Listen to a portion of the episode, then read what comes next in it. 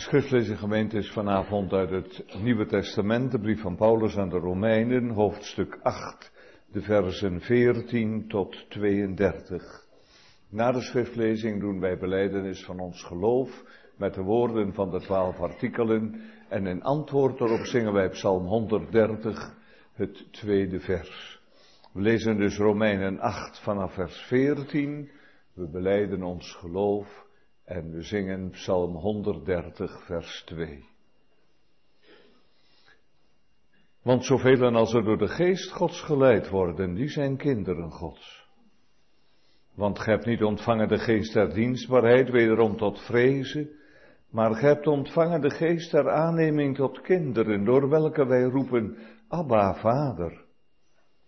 Dezelfde geest getuigt met onze geest, dat wij kinderen God zijn. En indien wij kinderen zijn, zo zijn we ook erfgenamen, erfgenamen Gods en mede-erfgenamen van Christus. Zo wij anders met Hem lijden, opdat wij ook met Hem verheerlijkt worden. Want ik houd er daarvoor dat het lijden deze tegenwoordige tijds niet is te waarderen tegen de heerlijkheid die aan ons zal geopenbaard worden. Want het schepsel als met opgestoken hoofden verwacht de openbaring der kinderen Gods. Want het schepsel is der ijdelheid onderworpen, niet gewillig, maar om diens wil die het der ijdelheid onderworpen heeft. Op hoop dat ook het schepsel zelf zal vrijgemaakt worden van de dienstbaarheid der verderfenis tot de vrijheid der heerlijkheid der kinderen Gods. Want wij weten dat het ganse schepsel tezamen zucht en tezamen als in barensnood is tot nu toe. En niet alleen dit, maar ook wij zelf, die de eerstelingen des geestes hebben, wij ook zelf, zeg ik, zuchten in onszelf, verwachtende de aanneming tot kinderen, namelijk de verlossing van ons lichaam. Want wij zijn in hopen zalig geworden. De hoop nu die gezien wordt, is geen hoop. Want hetgeen iemand ziet, waarom zal hij het ook hopen? Maar indien wij hopen hetgeen wij niet zien, zo verwachten wij het met leidzaamheid. En desgelijks komt ook de geest onze zwakheden mede te hulp. Want wij weten niet wat wij bidden zullen gelijk het behoort. Maar de geest zelf bidt voor ons, met onuitsprekelijke zuchtingen. En die de harten doorzoekt, weet welke de mening des geestes is terwijl hij naar God voor de heiligen bidt. En wij weten dat degenen die God liefhebben alle dingen medewerken ten goede, namelijk degenen die naar zijn voornemen geroepen zijn. Want die hij tevoren gekend heeft, die heeft hij ook tevoren verordineerd, ten beelde zijn zoons gelijkvormig te zijn, opdat hij de eerstgeborene zij onder vele broederen. En die hij tevoren verordineerd heeft, deze heeft hij ook geroepen. En die hij geroepen heeft, deze heeft hij ook gerechtvaardigd. En die hij gerechtvaardigd heeft, deze heeft hij ook verheerlijkt. Wat zullen wij dan tot deze dingen zeggen? Zo God voor ons is, wie zal tegen ons zijn? Die ook zijn eigen zoon niet gespaard heeft, maar heeft hem voor ons allen overgegeven. Hoe zal hij ons ook met hem niet alle dingen schenken. Hier eindigt de schriftlezing. Gemeente, het is met een zekere verlegenheid dat ik gehoor heb gegeven aan het verzoek van uw kerkenraad om vanavond met u na te denken over zondag 46 van onze Heidelberger catechismus. Ik zal u duidelijk maken wat daar de reden voor is. Ik ben opgegroeid in een sfeer waarin het niet vanzelfsprekend was om God Vader te noemen. Je gebruikte die naam niet zo gemakkelijk. En dan mag ik door genade weten dat God mijn Vader geworden is in de Heer Jezus Christus. Toch zal ik die naam niet zo vaak gebruiken, in de openbare eredienst niet. Maar zelfs in mijn persoonlijke gebeden niet. Dat is zo groot, hè. zo groot om tegen God te zeggen, Vader. Maar vanavond moet ik met u op verzoek van uw kerkenraad nadenken over die zondag, waarin het in de vraag wordt gezegd dat Christus ons gebiedt te zeggen onze Vader. Voelt u iets van die spagaat aan? Ik denk trouwens dat er hier ook mensen in de kerk zitten die diezelfde moeite van huis uit wel hebben meegekregen. En aan de andere kant loop ik lang genoeg mee, gemeente, om te weten dat er nogal wat mensen zijn die die vadernaam altijd en te pas en te onpas op de lippen nemen. Ik ben nogal eens een keer voor de kerken in Zuid-Afrika geweest en daar hoorde je dat in de dopperkerken inderdaad al voor en na zeggen. Ons vader, ons dank u dat ons uw lieve kinders mag wees. En elke keer wanneer ik dat soort dingen hoor, gemeente, dan moet ik weer aan zondag 46 denken. Christus gebiedt het ons. En tegelijkertijd zit ik dan met die vraag, misschien vindt u dat wel vreemd hoor, maar zit ik met die vraag, ja dat zeggen die mensen nou wel, maar is God inderdaad hun vader? Is God hun vader geworden? Dat komt toch ook aan de orde in zondag 46, is het niet waar? Weet men wel wat dat is? Aangenomen te zijn tot een kind van deze vader. Dat is immers niet vanzelfsprekend. Dat is immers niet natuurlijk. Ik moet een kind van deze vader worden. Zoals mijn ouders mij geleerd hebben in een van de eerste kindergebeden die ik geleerd heb. Heel veel kinderen leren vandaag dat ik ga slapen, ik ben moe. Mijn moeder leerde me wat anders. Dat gebedje dat altijd door je hoofd blijft spelen, zoals u dat ook zult hebben met een gebed dat je als kind meegekregen hebt. Leer mij vroeg uw kind te worden. Neem mij aan, schoon jong en klein. Laat mij van uw grote kudde ook een heel klein schaapje zijn. Ik hoop toch maar dat onze vaders en moeders vandaag hun kinderen dat gebed nog leren. Met andere woorden misschien. Dat is niet zo belangrijk. Maar dat ze ontdekken, daar moet ik om bidden, daar mag ik om bidden. En dat ze heel vroeg gaan zeggen, daar wil ik ook om bidden.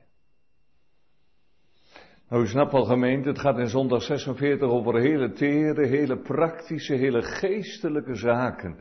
Wij horen hier namelijk in de aanspraak van het gebed wil Christus ons oefenen in drie dingen, zo wil ik het maar proberen samen te vatten.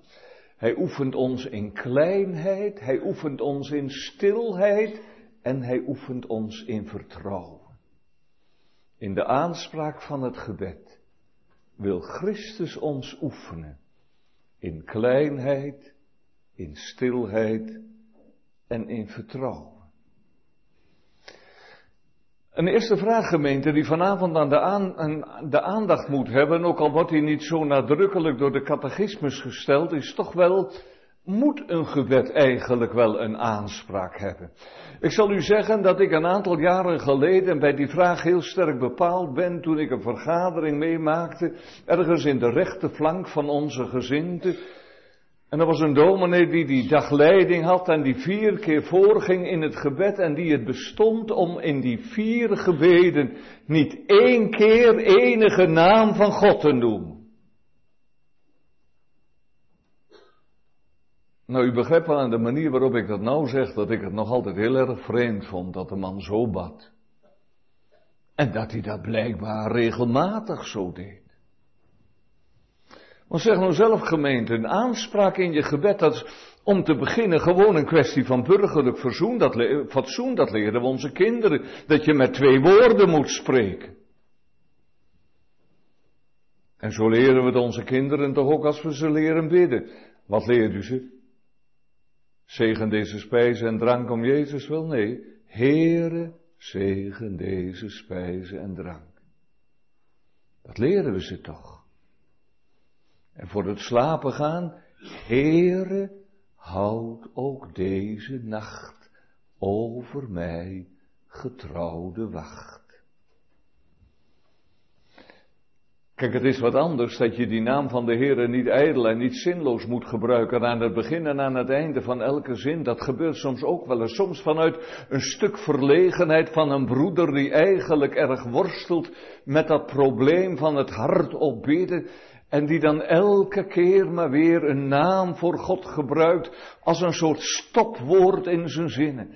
Maar een aanspraak hoort er op zichzelf wel bij, dat we ons bewust zijn, tot wie richt ik mij nou eigenlijk?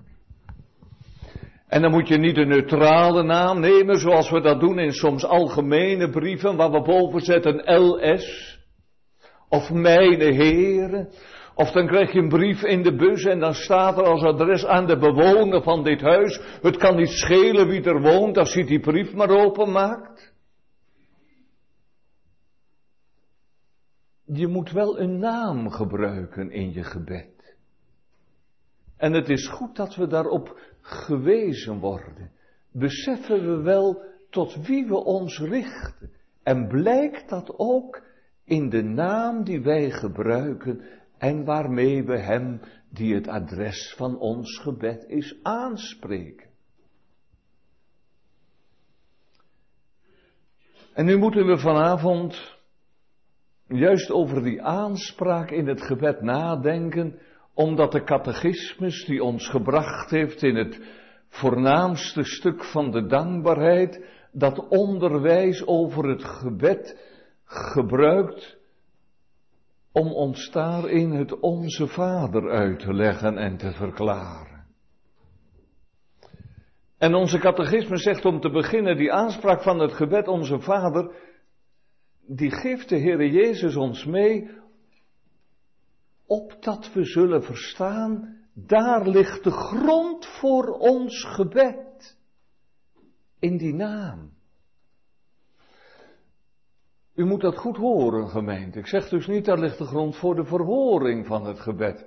Want dat zou kunnen betekenen dat een gebed alleen maar verhoord wordt wanneer je dat gebed richt tot hem die je zo aanspreekt, onze Vader. Je komt in de Bijbel ook andere aanspraken tegen van gebeden die ook verhoord worden. Denkt u maar aan dat bekende gebed van Psalm 116. Heere, bevrijd mijn ziel. Toen hoorde God, Hij is mijn liefde waardig. En u kunt bijvoorbeeld denken als u een, Nieuw Testamentisch voorbeeld wilt hebben aan de tollenaar in de tempel over wie de Heere Jezus in die gelijkenis vertelt. Wat laat de Heere Jezus in die gelijkenis die tollenaar zeggen? Vader, nee. O God, wees mij de zondaar genadig. En de Heere Jezus zegt erachteraan, en hij ging naar huis, gerechtvaardigd, zijn gebed werd verhoord. Het is duidelijk gemeente dat die aanspraak in het gebed bedoeld is om onze diepe besef te geven tot wie we spreken. En het is duidelijk dat dat niet alleen maar ligt in het gebruik van de Vadernaam. Geen omhaal van woorden, dat hebben we net al tegen elkaar gezegd. Geen aanspraak die de drie eerste zinnen of de drie eerste minuten van het openbare gebed in de gemeente omvat. Zoals dat soms nog wel eens een keertje gebeurt in de schijn van eerbied, terwijl in feite alle eerbied daarbij zoek dreigt te raken maar dat je in elk geval een naam gebruikt die de Heere zelf gegeven heeft. Kennelijk met de bedoeling dat we hem bij die naam zouden aanspreken. Laat ik er maar een paar noemen, gemeente. De naam Heere, die we met allemaal hoofdletters schrijven. De trouwe God des eeds en des verbonds. De God die gezegd heeft, ik zal zijn die ik zijn zal. Ik ben er voor u. Of die naam Heere met alleen maar één hoofdletter. Die er ons bij bepaalt dat God de Almachtige is. De God van de miljoenen en van de legioenen. Psalm 84. Heere der heerscharen, hoor mijn gebed. Of misschien dat je alleen maar zegt, o God. In dat diepe besef dat je je richt tot die ander, die geen mens is, maar God. Totaal anders, de heilige de barmhartige, de gerechtvaardige en de genadige. Maar vanavond gemeente, en daar kunnen we natuurlijk niet onderuit, en u begrijpt natuurlijk ook wel dat ik daar niet onderuit wil, ook al heb ik daar bepaalde moeite mee persoonlijk van huis uit. Vanavond gaat het dus over die aanspraak Onze Vader. Zoals een lied dat zegt, noem hem uw vader, de kroon van zijn heerlijke naam. Want dat moeten we wel eerlijk tegen elkaar zeggen, gemeente. Dat moet ik tegen mijzelf ook vanavond weer zeggen. Het is de naam die de Heere in de hemel het liefste hoort. Het is ook de naam die de duurste is. Om bij die naam terecht genoemd te worden, heeft deze vader immers zijn zoon gegeven, opdat zondaren tot zijn kinderen zouden worden aangenomen.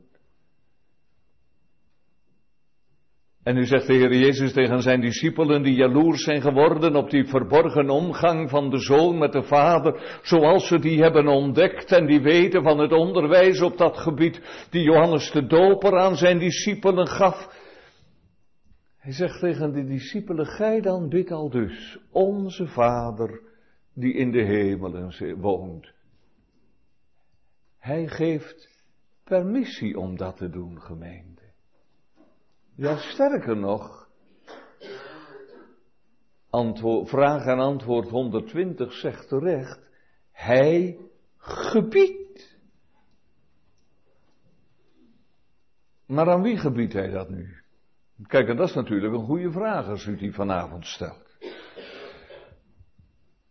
Want eerlijk, de Heer Jezus gebiedt het niet aan iedereen gemeente. We zijn niet tenslotte ook in het voornaamste stuk van de dankbaarheid. Er is al heel wat gepasseerd in de catechismus voordat zondag 46 aan de orde is. Er zijn nogal wat mensen die er onverschillig tegenover staan of God nou hun vader is of dat hij het niet is.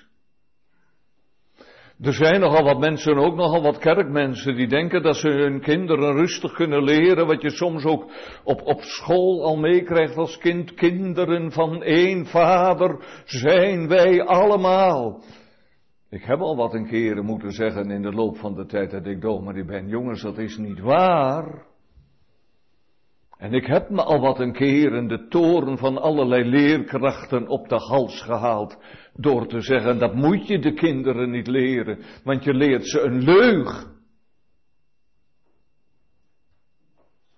Want dat moet ik vanavond dan wel heel eerlijk beginnen te zeggen, gemeente. We zijn niet allemaal kinderen van die ene vader. Ook niet in de kerk.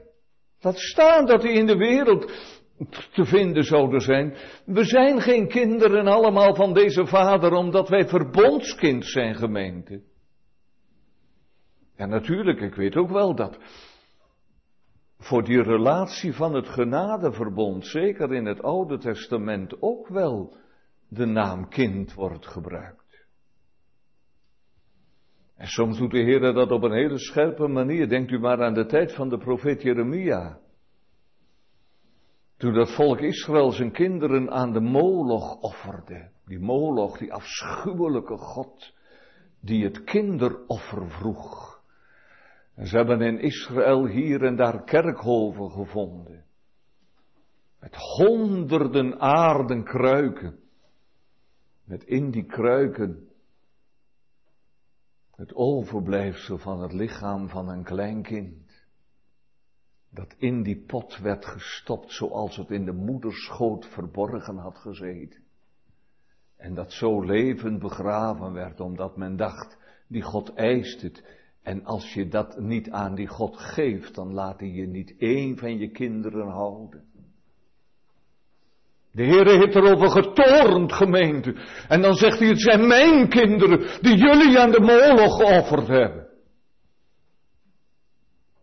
De Heer is diep verontwaardigd over zulke vaders en moeders.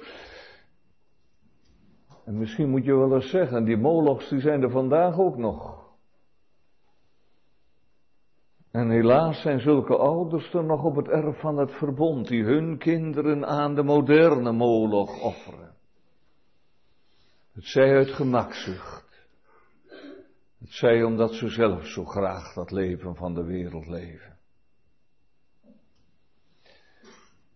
Maar gemeente, als wij verbondskind van de Heere zijn, en dat zijn we, en vanmorgen hebben we gehoord dat daar een hele bijzondere relatie aan verbonden is. De relatie van ranken aan de wijnstok, al zijn dan een deel van die ranken ook onvruchtbaar en dood.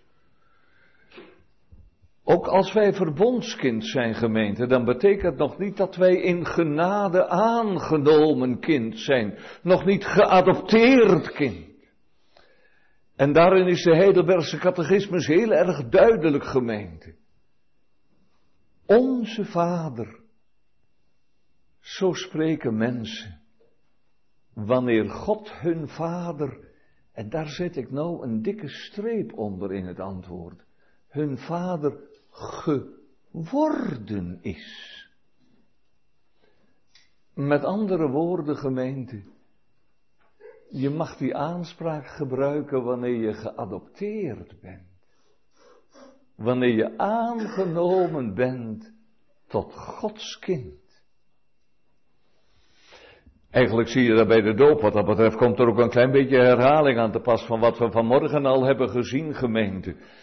Bij de doop, wat is het eerste dat van onze kinderen wordt gezegd? Dat ze kinderen des torens zijn. Dat is heel wat anders dan kinderen van deze vader. Kinderen des torens, dat betekent ik kan in het rijk van God niet komen tenzij ik van nieuws geboren word. En al heb ik dan de belofte van deze vader dat hij mij tot zijn kind en erfgenaam aan wil nemen. En die belofte die hebt u gemeente. En daar moet u niet gering over denken, want dat is een geweldige zaak van rijke betekenis. Maar zelfs als je die belofte hebt, dan geldt het nog dat er kinderen van het koninkrijk zijn die buiten geworpen worden. Gemeente, ik heb van nature geen recht om God mijn vader te noemen. Ik heb van nature geen recht op de kindernaam. in het paradijs, daar was het zo. Adam. De zoon van God wordt hij genoemd in een geslachtsregister van Lucas 3. Maar zo is dat niet meer gemeend. Als ik in de wieg word gelegd, dan ligt daar niet een kind van God. Dat was zo. Nu moet ik het worden. dat brengt natuurlijk bij de vraag, gemeente, en hoe wordt een mens nou een kind van God? Een vraag waar mensen soms zo lang mee kunnen worstelen, is het niet waar? Nou, de catechismus die geeft daar een heel duidelijk antwoord op, want die catechismus die begint met te zeggen, ik word dat door Christus. Dat weet u uit het evangelie. Zo lief heeft God de wereld gehad dat hij zijn enige geboren zoon gegeven heeft. Opdat niet gelukt die in hem gelooft. Niet verderven, maar het eeuwige leven hebben. Opdat wij tot kinderen aangenomen zouden worden, schrijft Paulus in gelaten 4. En dan zie je de Heer Jezus die weg van kruis en dood gaan. Waarom gingen die weg? Nou, gemeente, we komen straks weer in de lijdenstijd terecht en dan komt u misschien ook wel een keer die geschiedenis tegen dat de Heer Jezus verhoord wordt door het Sanhedrin onder leiding van Caiaphas. En u weet wel van het gestumper en het gesteggel van die voornaamste Joden, die op alle mogelijke manieren proberen Jezus veroordeeld te krijgen. Maar ze vinden nergens twee getuigen die precies hetzelfde zeggen. En dan op een gegeven ogenblik om een doorbraak te forceren, zegt Kaaien vast tegen de Heer Jezus, zeg nou eens, ben u nou de Christus, de Zoon van God, ja dan nee? En dan zegt Jezus, ja. En Caiaphas, oh hij scheurt zijn klederen, maar ondertussen juicht zijn hart. Als hij tegen zijn, ma zijn makkers in de strijd zegt, hoor je het nou wel? Wat hebben wij nog getuigen van nodig? Deze heeft God gelasterd. Hij is des doods schuldig. Nou, dan kijk ik maar eens even naar de jongens en meisjes hier in de kerk. Jongens en meisjes. Lastert de Heere Jezus God als hij zegt dat hij de Zoon van God is? Jullie zeggen natuurlijk wel nee. Jullie weten het beter dan Caiaphas het wist. Nou en of. Want jullie weten wel, de Heere Jezus is de Zoon van God. Alleen, en dat snappen de ouderen misschien weer wel beter, wanneer de Heere Jezus daarvoor die aardse rechter staat, Caiaphas, dan staat hij daar in onze plaats, in mijn plaats. En Caiaphas heeft gelijk gemeente om te zeggen dat het godslasterlijk is ik ben Gods kind als ik het niet ben. En daarin heeft vast gelijk. Al had hij niet door dat dit de enige was die het mocht zeggen. De enige geboren zoon van God. Hij stond in mijn plaats. En toen werd hij veroordeeld vanwege Gods lastering. Want in mijn plaats, daar staat niet een kind van God, daar staat een kind van Adam. Daar staat een kind des torens dat buiten gesloten wordt. En dat zie je dan ook verder gebeuren, gemeente, want dan zie je de Heer Jezus vanuit die hof van Caiaphas verder gaan over Gabbatha naar Golgotha. En dan komt er een moment dat hij niet meer bidden kan. Vader, vergeef het hun. Eerst nog wel, later niet meer. Dan komt er een moment dat hij niet meer zeggen kan. Vader, indien het mogelijk is, laat deze drinkbeker aan mij voorbij gaan. Toen kon het nog wel in Gethsemane, maar later niet meer. Want als hij dan aan het kruis hangt, gemeend, en u weet dat, en onze jongens en meisjes weten dat natuurlijk ook wel. Toen is de hemelpoort dicht Toen heeft, ik zeg dat altijd weer met veel beving gemeente, maar het is wel de realiteit. Toen heeft de vader zijn zoon weggevloekt van voor de poorten van het vaderhuis. Toen mocht hij niet langer zeggen vader. Toen kon hij alleen nog maar zeggen, mijn God, mijn God. Waarom hebt ge mij verlaten? En u kent wellicht het antwoord uit het avondmaalsformulier. Waarom? Opdat wij tot God zouden genomen en nimmer meer van hem verlaten worden. Hoort u wel, dan gaat het weer over dat wonder van de adoptie, dat aangenomen worden tot kinderen, opdat vijanden met God verzoend zouden worden opdat wij de aanneming tot kinderen verkrijgen zouden. Zo is het juist Paulus die dat keer op keer mag schrijven. En toen is het werk volbracht. En toen kon de Heere Jezus weer zeggen, Vader, in uw handen beveel ik mijn geest. En op Pasen klinkt het als een triomfgereed wanneer hij uit het graf komt en het tegen Maria Magdalena zegt, ik vaar op tot mijn vader en uw vader.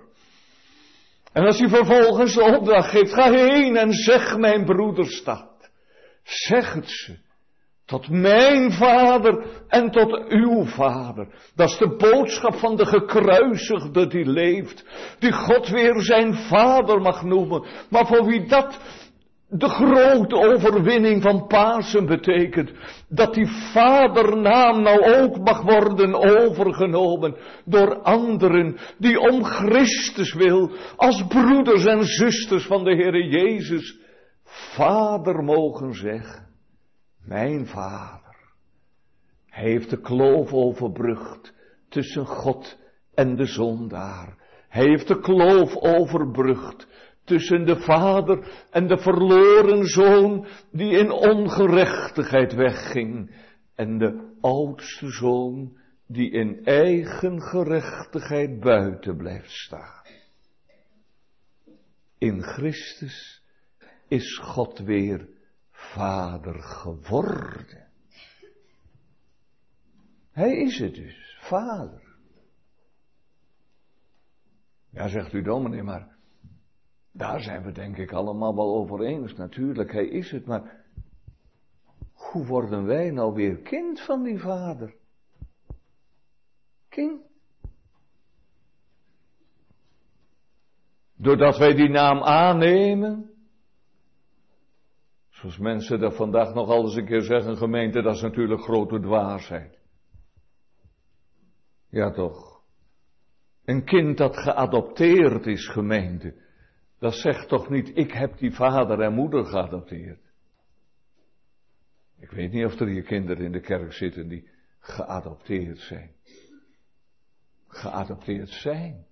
Die kinderen hebben niet geadopteerd, ze zijn geadopteerd door die vader door die moeder. En als u zegt, ja maar hoe gebeurt dat dan? Door Christus. Ik vaar op tot mijn vader en uw vader. En wat heeft de Heer Jezus toen gedaan, gemeente, toen hij opgevaren was? Toen heeft hij vanuit de hemel zijn heilige geest uitgestort. Die de geest is, zo lazen we dat, van de aanneming tot kinderen. Die geest die leidt tot Christus. En hij leert het dat om Christus wil God mijn vader wil zijn. God de vader van de Heer Jezus en uit genade ook van allen die in hem geloven. Want zoveel als er door de geest Gods geleid worden, die zijn kinderen van God. Die ontvangen de geest van het kindschap waardoor zij roepen, Abba, Vader.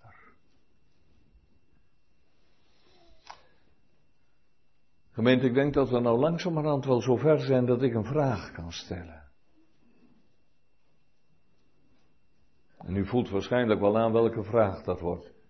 Bent u een kind van God geworden? Hij zegt u dominee, u hebt dat in het begin gezegd, maar daar ben ik het helemaal mee eens. Dat gaat zo diep. En ik moet u eerlijk zeggen, zover ben ik nog lang niet. Alleen als u me nou vraagt, kun jij dan nog zonder de Heer Jezus? Dan zeg ik, nee, dat kan ik niet. Maar dat is het gemeente. Dat is het, dat is het geheim van het kindschap. Hij doet ons, hoe met schuld beladen, verzoend voor het oog des vaders train. Ja, zegt u, maar ik kom in mijn gebeden niet verder dan het zie mij, Heere, die elk moet duchten, tot u vluchten, o mijn God, verlaat mij niet. Hebben zich wel eens gerealiseerd dat je ook in die situatie vader mag zeggen? Denkt u maar aan de gelijkenis van de verloren zoon. Wat zegt die verloren zoon? Ik zal opstaan en tot de vader gaan. En zeggen, Vader, ik ben niet meer waard uw kind genoemd te worden. Kijk, daar lopen een heleboel mensen mee vast. Weet u waarom ze vastlopen? Omdat ze zo graag in het geloof rekenen van één en één is twee. En die mensen zeggen, nou als die verloren zoon vader mag zeggen, dan betekent dat dat hij zelf ook nog zoon is. En als die verloren zoon geen, geen zoon meer is, dan mag hij ook geen vader zeggen. Gemeente, dat is nou de logica van het geloof. En ik denk het is omdat de Heer Jezus zelf dat, dat evangelie heeft verkondigd in die machtigste van alle gelijkenissen. Maar anders dan zouden we het zo niet overnemen. Maar hij zegt het. Die jongen die daar alles heeft doorgejaagd wat hij van zijn vader gekregen had en wat hij uit het ouderlijk huis had meegenomen. Die jongen die daar achter de varkens zit, met de stank van de wereld en de ellende van de wereld zichtbaar en ruikbaar en tastbaar aan zich. En die op een gegeven ogenblik opstaat en zegt, ik zal tot de vader gaan en zeggen, vader, ik ben niet meer waard uw kind genoemd te worden. Maar u bent vader. Daar hebt u het gemeend. Daar hebt u het. En zo'n mens ontmoet in die God die Vader. Want wat zegt de Heer Jezus verder als die jongen thuis komt? Zegt die vader dan, joh, nou moeten we eerst nou eens een keer goed doorpraten. Nee, u kent dat beeld van Spurgeon. En Spurgeon die zegt, die vader die stond altijd op de uitkijk. En hij daar in de verte die bedelaar in zijn lompen zag aankomen. Met de stank van de varkens een uur in de wind al voor zich uitgaande. Dan vliegt hij er naartoe en hij heeft geen tijd om het hek open te maken. Maar hij rent door een gat in de heg. En hij valt hem om de hals en hij zegt. Nou, wat zegt hij? Mijn zoon, verloren maar gevonden, dood maar levend geworden zoon. Het is die geestgemeente die die kinderlijke vrezen verwekt waarover de catechismus in antwoord 120 spreekt. En wat is dat nou, kinderlijke vrezen? Ja, zegt u, dat zal wel zoiets zijn als diepe eerbied en dat zal wel zoiets zijn als echte liefde tot de Vader. En dat is inderdaad ook zo. Het is dit dat een kind tegen zijn vader opziet. Dat een kind met diep respect voor die vader vervuld is. Dat hij die vader hoog heeft. Dat hij die vader lief heeft.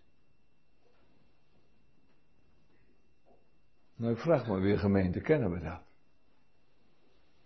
Kijk, ik weet wel, op dit punt wreekt zich dat er in zoveel verhoudingen tussen vaders en kinderen wat scheef en kapot zit in deze wereld.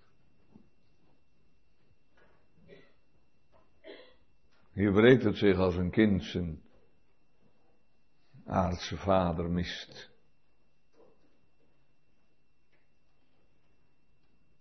Zoals die jongen op Urk die pas vermoord werd.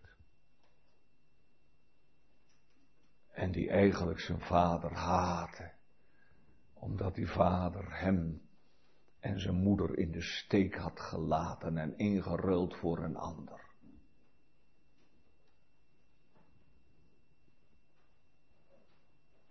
Ik hoop niet dat er hier zo iemand zit, gemeente, misschien zit er wel zo'n kind dat zo'n vader heeft, die de vadernaam niet waard is. Misschien zit er hier wel zo'n kindgemeente. Zeg, dominee, je hebt nou die vadernaam al een aantal keren gebruikt, maar als ik geweten had dat je daarover ging preken, dan was ik maar niet naar de kerk gekomen. Ik heb ze in vorige gemeente wel gehad. Meisjes, jonge vrouwen, soms al wat ouder geworden. Die zeiden, dominee, gebruik alsjeblieft die vadernaam niet in je preek. Want als ik aan mijn vader denk, wat heeft hij mij misbruikt?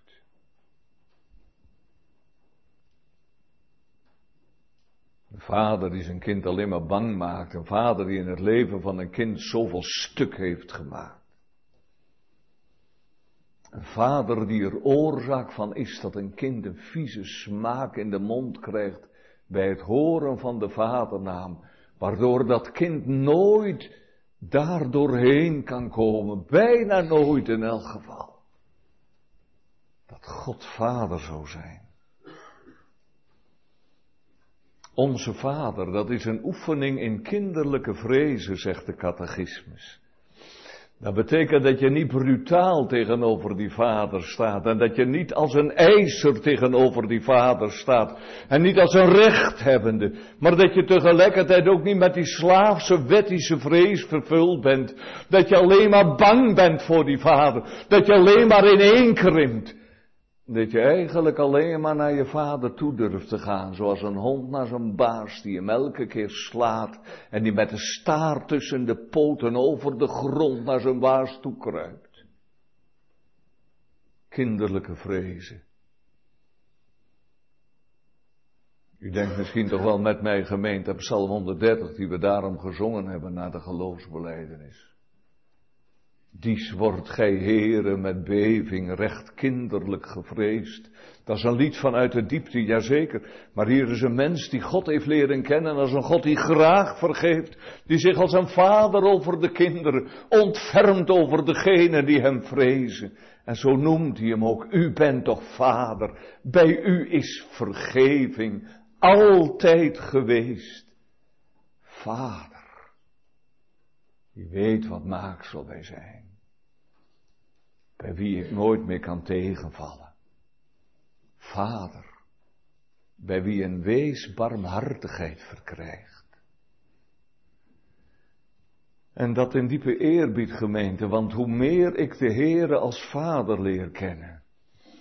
En hoe meer ik ga zien wat het hem kostte om vader van zijn kinderen te kunnen zijn hoe dieper ook het respect, hoe groter ook de eerbied wordt gemeente, hoe meer ook die kindgestalte gevonden wordt. Vader, lieve Vader, om Christus wil.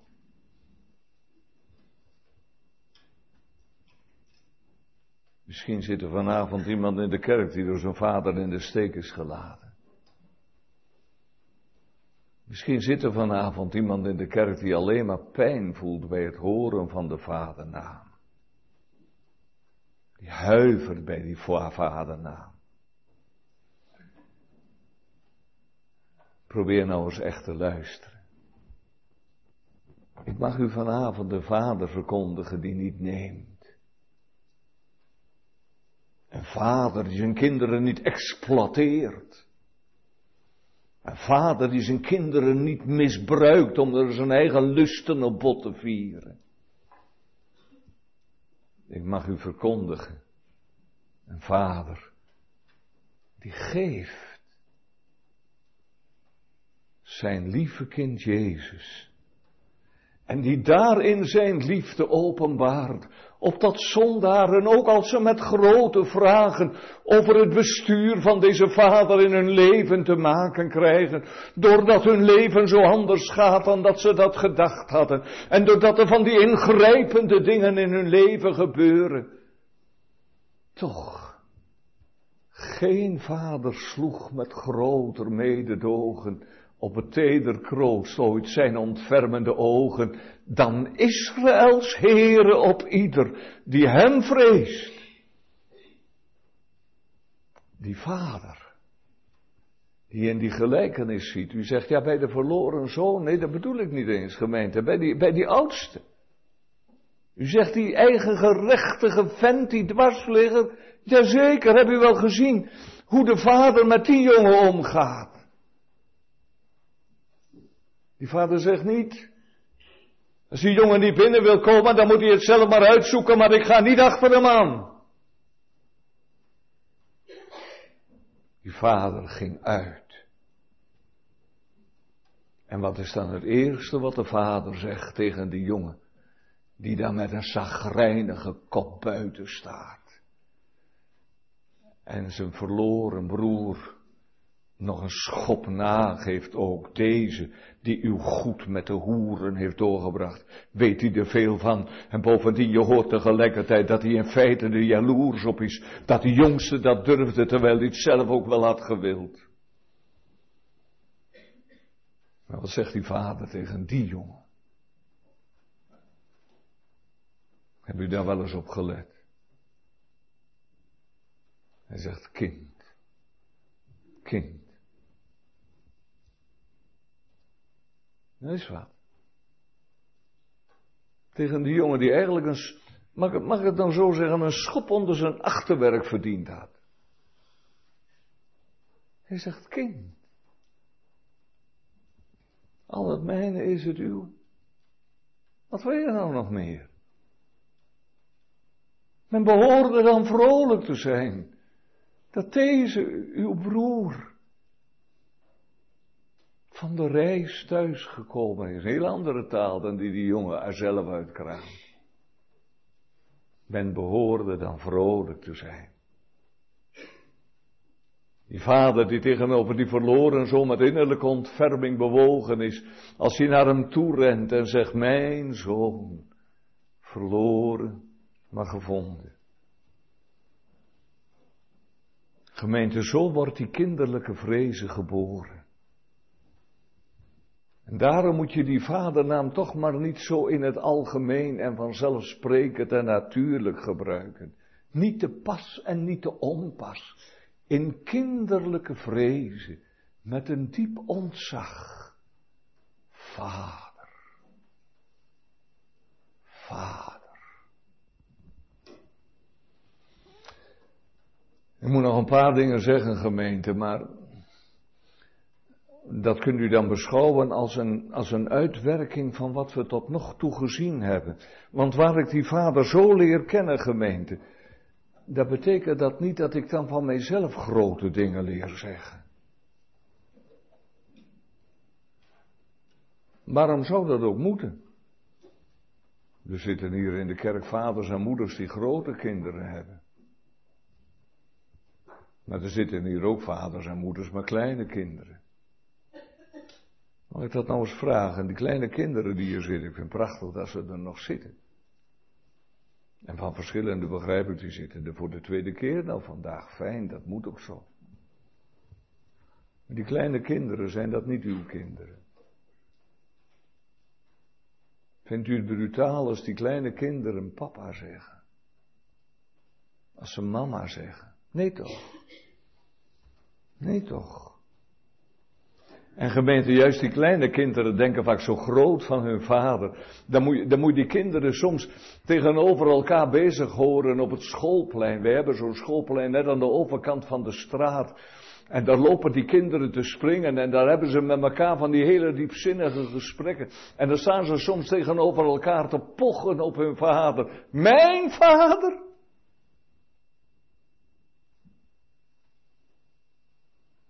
Dat is ook de moeilijkheid als je geen vader meer hebt. Dat is ook een stuk pijn. Dat de Heer je vader al vroeg wegnam. Maar kleine kinderen zeggen ook vader. En de Heilige Geest leert je dan ook stilheid, gemeente. Als ik voor die vader mijn hart mag uitstorten, dan kom je juist de eerste psalmen tegen.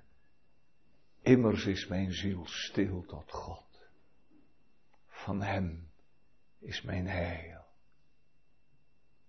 Dan staat er, en toch, en toch. Ik denk aan die moeder, die met een kleine dochter naast zich stond toen haar man nog zo betrekkelijk jong, ineens overleden was. Moeder die soms zomaar begon te huilen, heel begrijpelijk. En dan was er die kleine meid, die tegen haar zei, want ze waren heel veel met die 62e psalm bezig, ik heb daar ook uit moeten spreken toen, toen ik die man begroef. Moeder, en toch hè, en toch. Mijn ziel is stil tot God. Zoals in Psalm 131, die psalm van het pas gespeende kind, dat zich stil bij zijn moeder bevindt. En dat zegt dat Israël op de Heere vertrouw, zijn hoop op Gods ontferming bouw. Want vader weet wat goed is. En als hij zegt, mijn gedachten zijn niet uw lieder gedachten. En mijn wegen zijn niet uw wegen. Zeg je, ja, zo is het ook, heren. Kijk, en daar komt zo heel mooi gemeend in, de, in dat tweede antwoord naar voren, waar ik nog eventjes uw aandacht voor moet vragen. Die in de hemelen zijt. Wat betekent dat? Je moet van deze God niet aardselijk denken. Onze God is in de hemel en hij doet wat hem behaagt. En ik, ik ben een mensje op deze aarde. Ik kan daar niet bij. Ik kan dat niet narekenen. Ja, maar zegt iemand, dominee, ik begrijp dat niet. Als u eens wist wat er allemaal in mijn leven zich had afgespeeld. En misschien is er een jongere die zegt, ik begrijp dat niet. Dat als die God liefde is en als die God almachtig is. Dat er in Haiti zomaar in een paar minuten zoveel tienduizenden mensen onder het beton bedolven raken. Dacht je dat ik het begreep? Weet je, weet je wat ik ook niet begrijp? Dat het deze vader behaagde zijn zoon te verbrijzelen. Ik kan me niet voorstellen dat er hier iemand in de kerk is die zegt, dominee, dat kan ik u wel even uitleggen, want dat kan je niet. En weet u wat ik ook niet begrijp?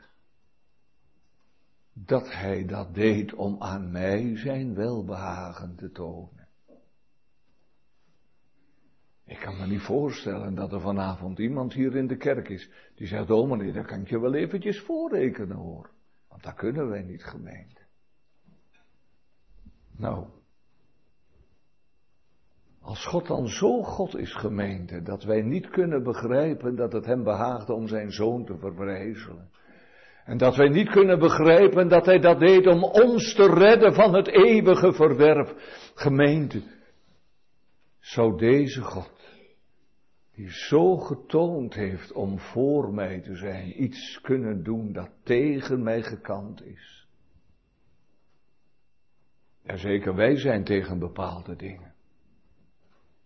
Zitten er hier ongetwijfeld genoeg in de kerk die zeggen, dominee, moet ik het u even vertellen, waar, waar ik tegen ben, tegen dat handelen van God in mijn leven?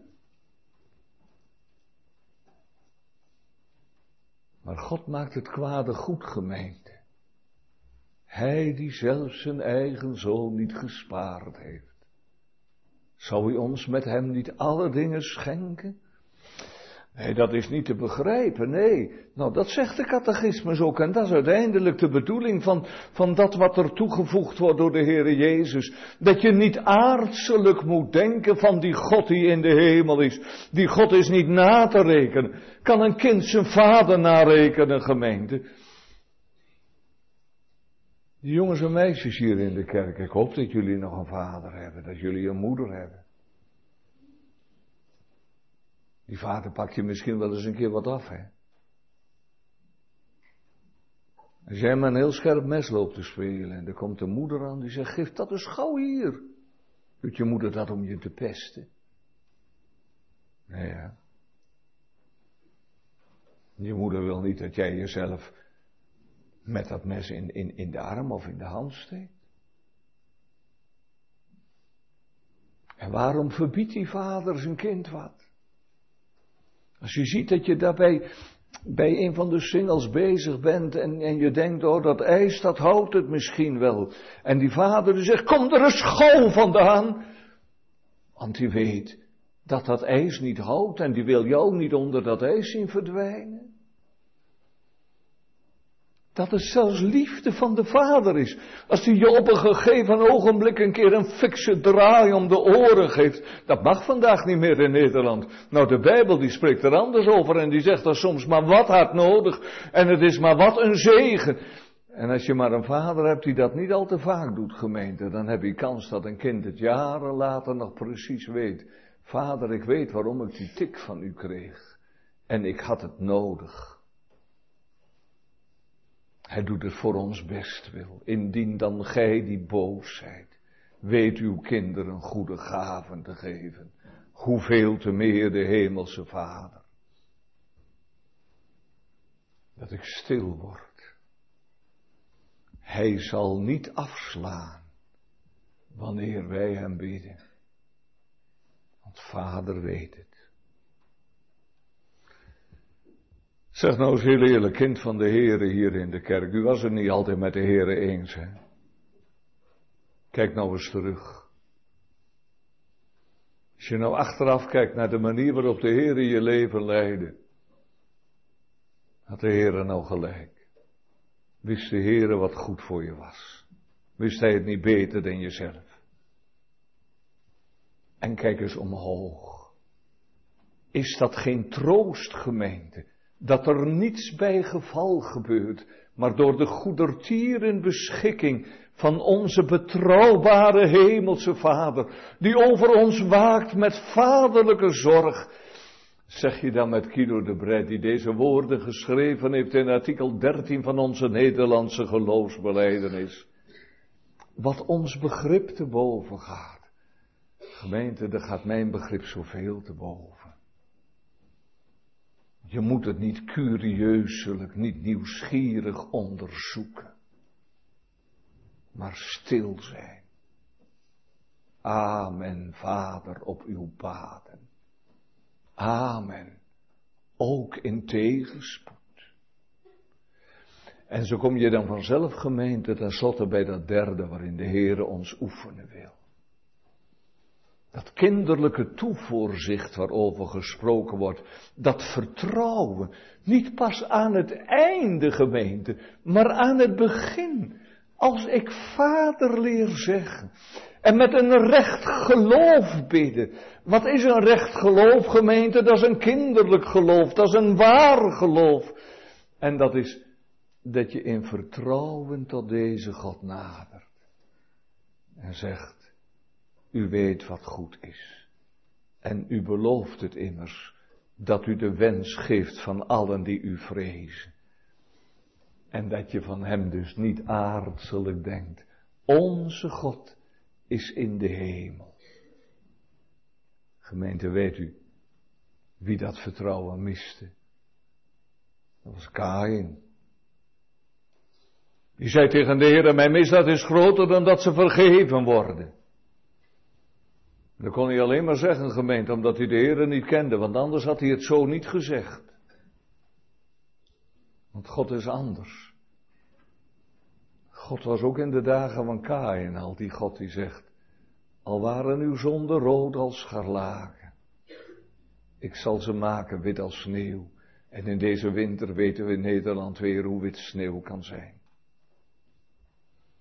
Weet u wie het miste, gemeente? Dat waren die tien verspieders in de woestijn.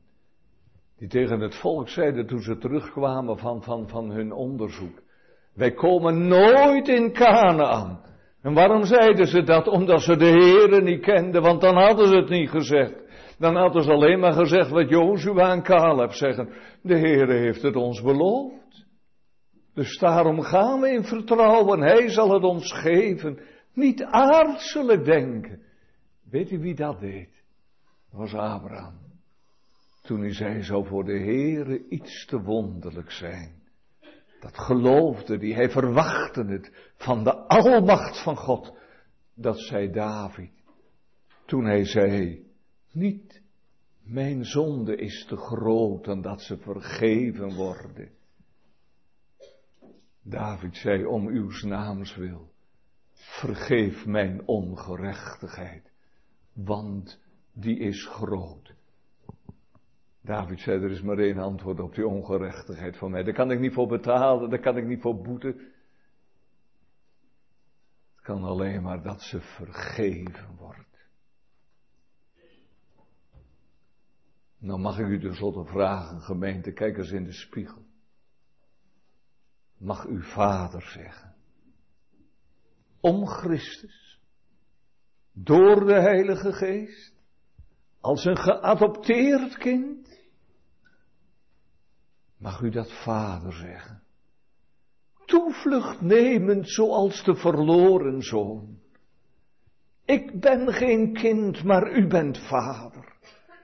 Mag u vader zeggen, verzegeld door de geest der aanneming tot kinderen, die doet zingen, ik ben een koninklijk kind, door de Vader bemind. Ik ben gekocht met het bloed van mijn Heer. En dat bloed geeft mij recht meer te zijn dan een knecht. Ik ben zijn kind. Niets verblijdt mij zozeer. Hoe staat het met die oefeningen, gemeente?